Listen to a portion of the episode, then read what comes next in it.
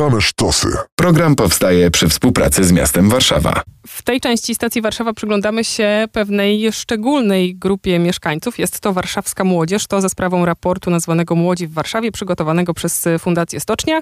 I z tej okazji w naszym studiu Maria Adamowicz i Wojciech Gąsior. Cześć, dzień dobry. Dzień dobry. Dzień dobry. My się już nie zaliczamy do młodzieży, prawda?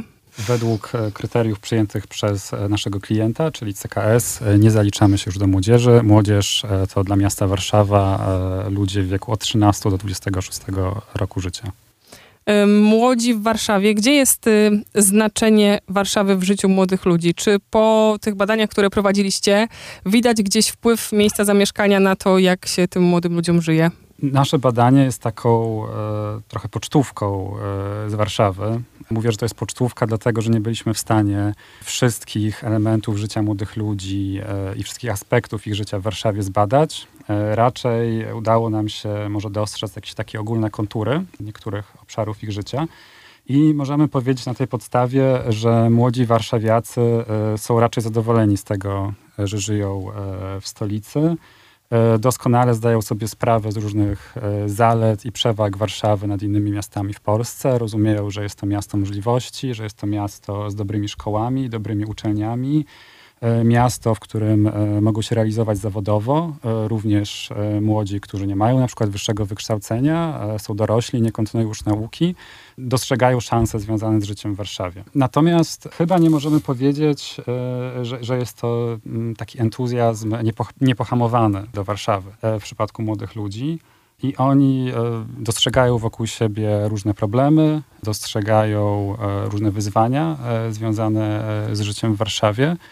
I często jest tak, że to właśnie te pozytywy życia w Warszawie, takie jak liczne szanse i możliwości, e, stanowią dla młodych też e, problemy i wyzwania e, bo zdają sobie sprawę, że żeby dostać się do dobrej szkoły i myśleć w przyszłości o dobrej karierze, muszą się uczyć, muszą być lepsi niż ich rówieśnicy i to często wiąże się z podwyższonym poziomem stresu. I widzimy, że ten stres jest właśnie w przypadku młodych warszawiaków prawdopodobnie nieco wyższy niż w przypadku osób e, z innych miejsc e, w Polsce. Wiemy to na podstawie analizy e, badań CEBOS 2018 roku i wiemy też, że taką, takim czynnikiem, który determinuje poziom zadowolenia z życia, poziom stresu wśród młodych warszawiaków jest przede wszystkim szkoła.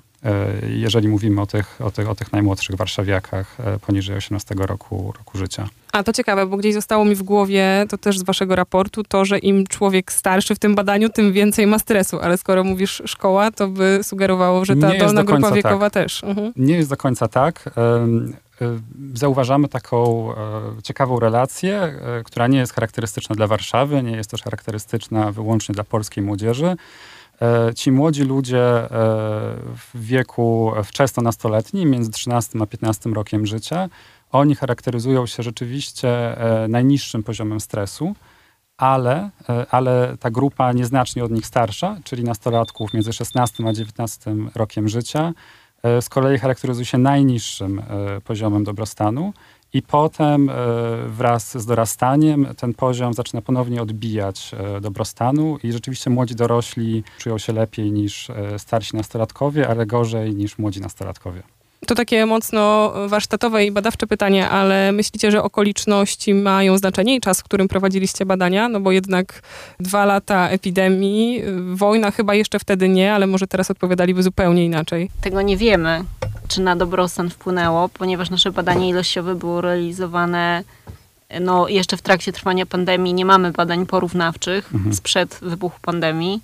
To, co wiemy, to pandemia wpłynęła, tak nam się wydaje, na to, w jakiś sposób, gdzie młodzi się spotykają i na ich takie wzorce towarzyskości. Natomiast widzimy też być może wpływ pandemii na to, jakim optymizmem wykazują się wobec y, przyszłości, y, w odniesieniu do przyszłości kraju i świata i że tutaj te y, y pozytywne odpowiedzi są zdecydowanie niższe niż przypadku y, ich, y, ich stosunku i jakiegoś takiego poziomu optymizmu względem ich życia, względem ich rodziny, względem ich najbliższych, względem Warszawy również.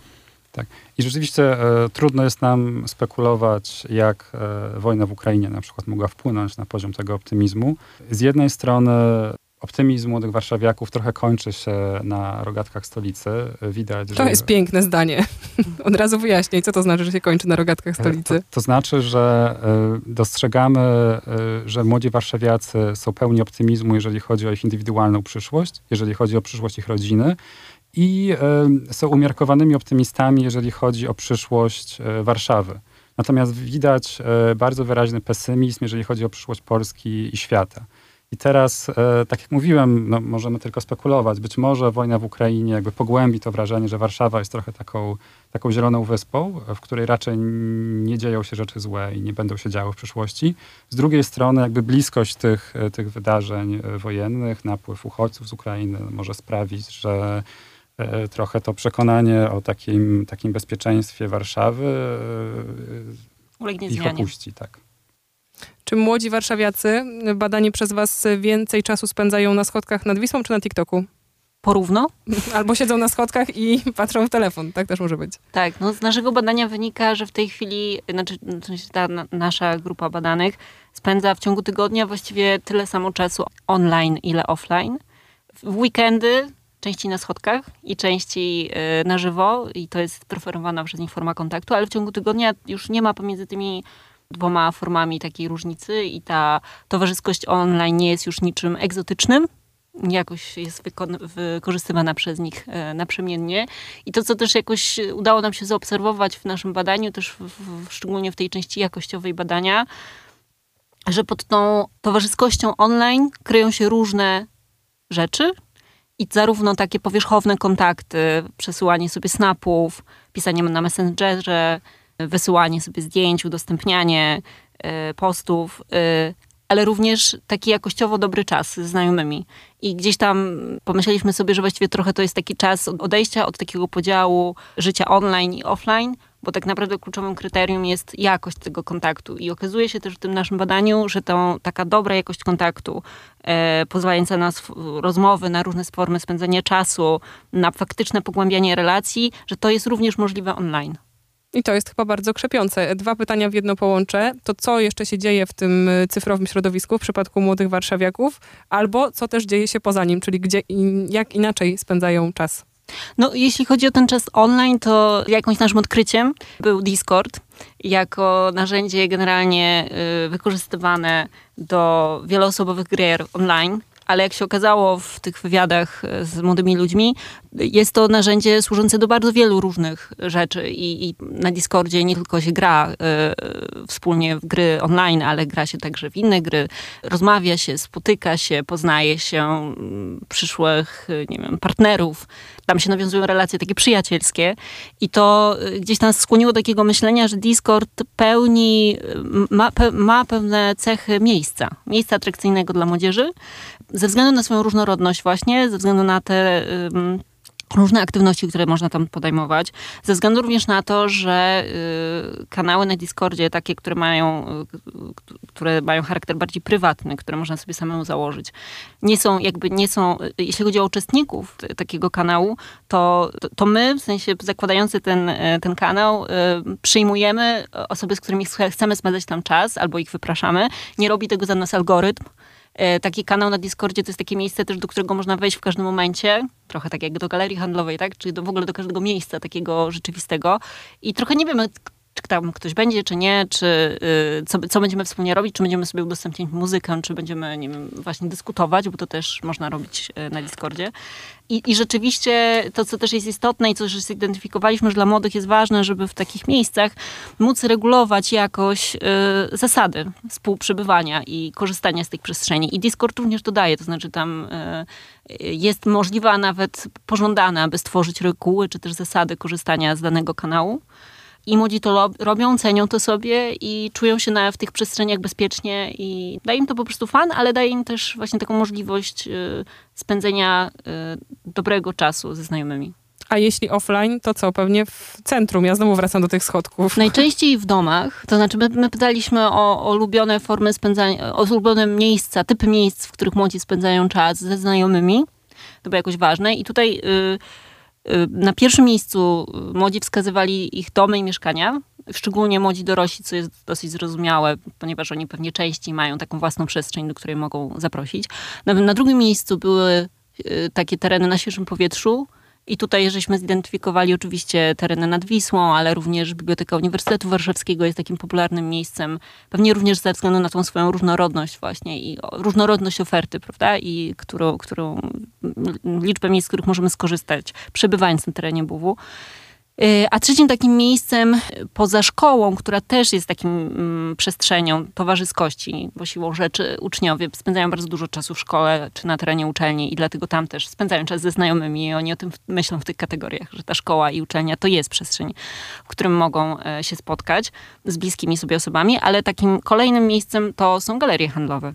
I to również, y, jak opowiadałam o Discordzie i mówiłam o tych, y, o dlaczego Discord jest miejscem i dlaczego jest atrakcyjnym miejscem, czyli właśnie dlatego, że mm, cechuje się pewną różnorodnością, pewną możliwością kształtowania reguł, spędzania tam czasu. To tak samo y, galerie handlowe również mają bardzo, z punktu widzenia młodych, mm, są miejscem, w którym mogą w różnorodny, niezobowiązujący też sposób spędzić swój czas a jednocześnie no, mają tę zaletę, że są rozpoznawalne, są zlokalizowane w takich miejscach, do których każdy młody człowiek może przyjechać, skąd każdy młody człowiek może wrócić najczęściej w dogodny sposób do swojego domu i w naturalny sposób przyciągają w związku, w związku z tym młodych ludzi.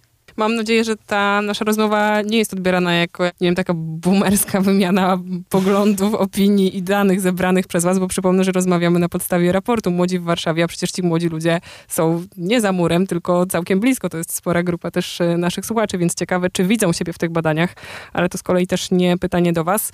Udało wam się ustalić e, sześć takich powtarzających się e, typów w tej szerokiej grupie wiekowej 13-26.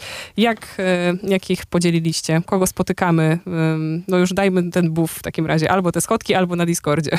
My e, podzieliliśmy warszawiaków młodych rzeczywiście na sześć e, typów. E, my ich dzieliliśmy ze względu na takie formy towarzyskości, to jak intensywna jest ta towarzyskość, jak dużo czasu spędzają ze znajomymi, gdzie go spędzają, w jakiego rodzaju grupach, e, co wtedy robią. E, uwzględnialiśmy też ich takie mm, zaangażowanie społeczne, e, które często ma po prostu silny wymiar towarzyski, czyli robienie rzeczy dla innych też oznacza robienie rzeczy z innymi. I te sześć typów, które udało nam się zidentyfikować, to, to oczywiście jest rodzaj takich stereotypów, tylko że stereotypów wyróżnionych e, przy użyciu różnych e, statystycznych e, metod. To taka naukowa stereotypizacja. I takie dwie największe grupy, które udało nam się odkryć, to są, to są osoby zbalansowane, tak zdecydowaliśmy się je nazwać. I to są tacy młodzi ludzie, w zdecydowanej większości kobiety, którzy e, w ciągu tygodnia podążają takim bardzo charakterystycznym, wyznaczonym rytmem. To jest rytm, który jest wyznaczany przez ich pracę, przez ich studia, co znaczy, że w dni robocze mają niewiele czasu na spotkania ze znajomymi, ale starają się to jak najczęściej robić. I w weekendy e, budzi się na nowo ta ich, ta ich towarzyskość i poświęcają je rzeczywiście na spędzanie czasu ze znajomymi. Druga taka grupa, największa, którą e, zidentyfikowaliśmy, to są tak zwani domatorzy, czyli osoby, które e, preferują takie trochę nieformalne, trochę niezorganizowane formy spędzania razem czasu, najczęściej właśnie w domu, raczej e, ewentualnie na schodkach również, e, w gronie, ale raczej niewielkim znajomych. I ta grupa no, do niej należy około 28% młodych warszawiaków, no więc e, trzeba mieć, e, trzeba pamiętać o tym, że ona jest bardzo, bardzo zróżnicowana, czyli... W końcu e, jakieś procenty, to też cenne, że po kilkunastu minutach rozmowy sięgamy do tych danych, no. E, tak, e, to, jest, to jest bardzo zróżnicowana grupa. Oni e, z jednej strony wśród nich są osoby po prostu bardzo oddane na przykład swojej pracy zawodowej, które po prostu nie mają czasu na, na towarzyskość ale e, z drugiej strony są też w niej e, osoby, które po prostu realizują się w jakichś relacjach rodzinnych przede wszystkim, czy takich, e, nazwijmy to, bilateralnych związkach dwustronnych, niekoniecznie, niekoniecznie romantycznych, ale które po prostu nie mają jakiejś swojej paczki znajomych, z którą przede wszystkim spędzają czas. A nie ma tam jakichś żyjących na krawędzi imprezowiczów? Mamy grupę beztroskich, Nie wszyscy z nich są pewnie improwizo- e, impro, Imprezowiczami. ale to jest taka e, bardzo ciekawa grupa, e, dlatego że należą do niej przede wszystkim starsi nastolatkowie. To są takie osoby trochę na granicy młodości, dorosłości, które często już skończyły szkołę, ale jeszcze nie zaczęły pracy i cieszą się tym, tymi nielicznymi miesiącami w życiu, których nie mają żadnych obowiązków i poświęcają je rzeczywiście na taką czystą towarzyskość, przeważnie w dużym gronie znajomych, przeważnie na świeżym powietrzu, szczególnie w taki dosyć niezorganizowany i spontaniczny sposób. E, To, co zwróciło naszą uwagę, to to, że oni w ogóle mają taki e, osobliwy, inny niż pozostałe grupy stosunek do przestrzeni miejskiej, że oni e, widzą ją trochę jako taki swój park atrakcji i przez to są bardzo związani z Warszawą, ale ten ich związek z Warszawą w żaden sposób nie przekłada się na zaangażowanie społeczne i nie przekłada się również e, na zainteresowanie na przykład lokalną polityką, czy chęć e, zmienienia czegoś e, w, nie wiem, w funkcjonowaniu e, Warszawy w takim, w takim wymiarze bardziej, nie wiem, politycznym czy społecznym. Dostrzegliście jakieś takie rażące, duże, widoczne różnice pokoleniowe? Coś was zaskoczyło jako tych, którzy już do tej grupy nie należą? No myślę, że ta częstotliwość i sposób korzystania z mediów społecznościowych mimo wszystko. Myślę, że Snapchat to jest coś, z czego my, przynajmniej my, tu siedzący, nie korzystamy. A w tych wywiadach e, wyraźnie wybrzmiewało, że to jest takie narzędzie bardzo popularne i też bardzo intymne, jak się okazuje. To znaczy wykorzystywane do komunikacji z naj, gronem najbliższych znajomych, kilkudziesięciu najbliższych znajomych, żeby było jasne, e, i też codziennie. E, więc myślę sobie, że ja na przykład tutaj osobiście do, doświadczyłam tej różnicy. Wielu młodych ludzi mówiło nam, że ważnym kryterium wyboru miejsca, w którym spędzają wolny czas, e, jest to, że w tym miejscu można na przykład naładować telefon. E, I mi nigdy by nie przyszło do głowy, że, że to jest jedno z najważniejszych kryteriów, ale dla, e, dla naszych rozmówców tak, no po prostu intensywność korzystania z telefonów jest tak duża, że e, atrakcyjne miejsce musi umożliwiać e, doładowanie baterii. I na tym subtelnym zdziwieniu kończymy. Młodzi w Warszawie. Raport pod takim tytułem do znalezienia i zapewne na stronach Fundacji Stocznia, skąd przybywają nasi goście i też pewnie na stronach Urzędu Miasta. Maria Adamowicz i Wojciech Gąsior o młodych warszawiakach w stacji Warszawa opowiadali. Dziękuję. Dziękuję. Dziękujemy. Program powstaje przy współpracy z miastem Warszawa. Radio Campus.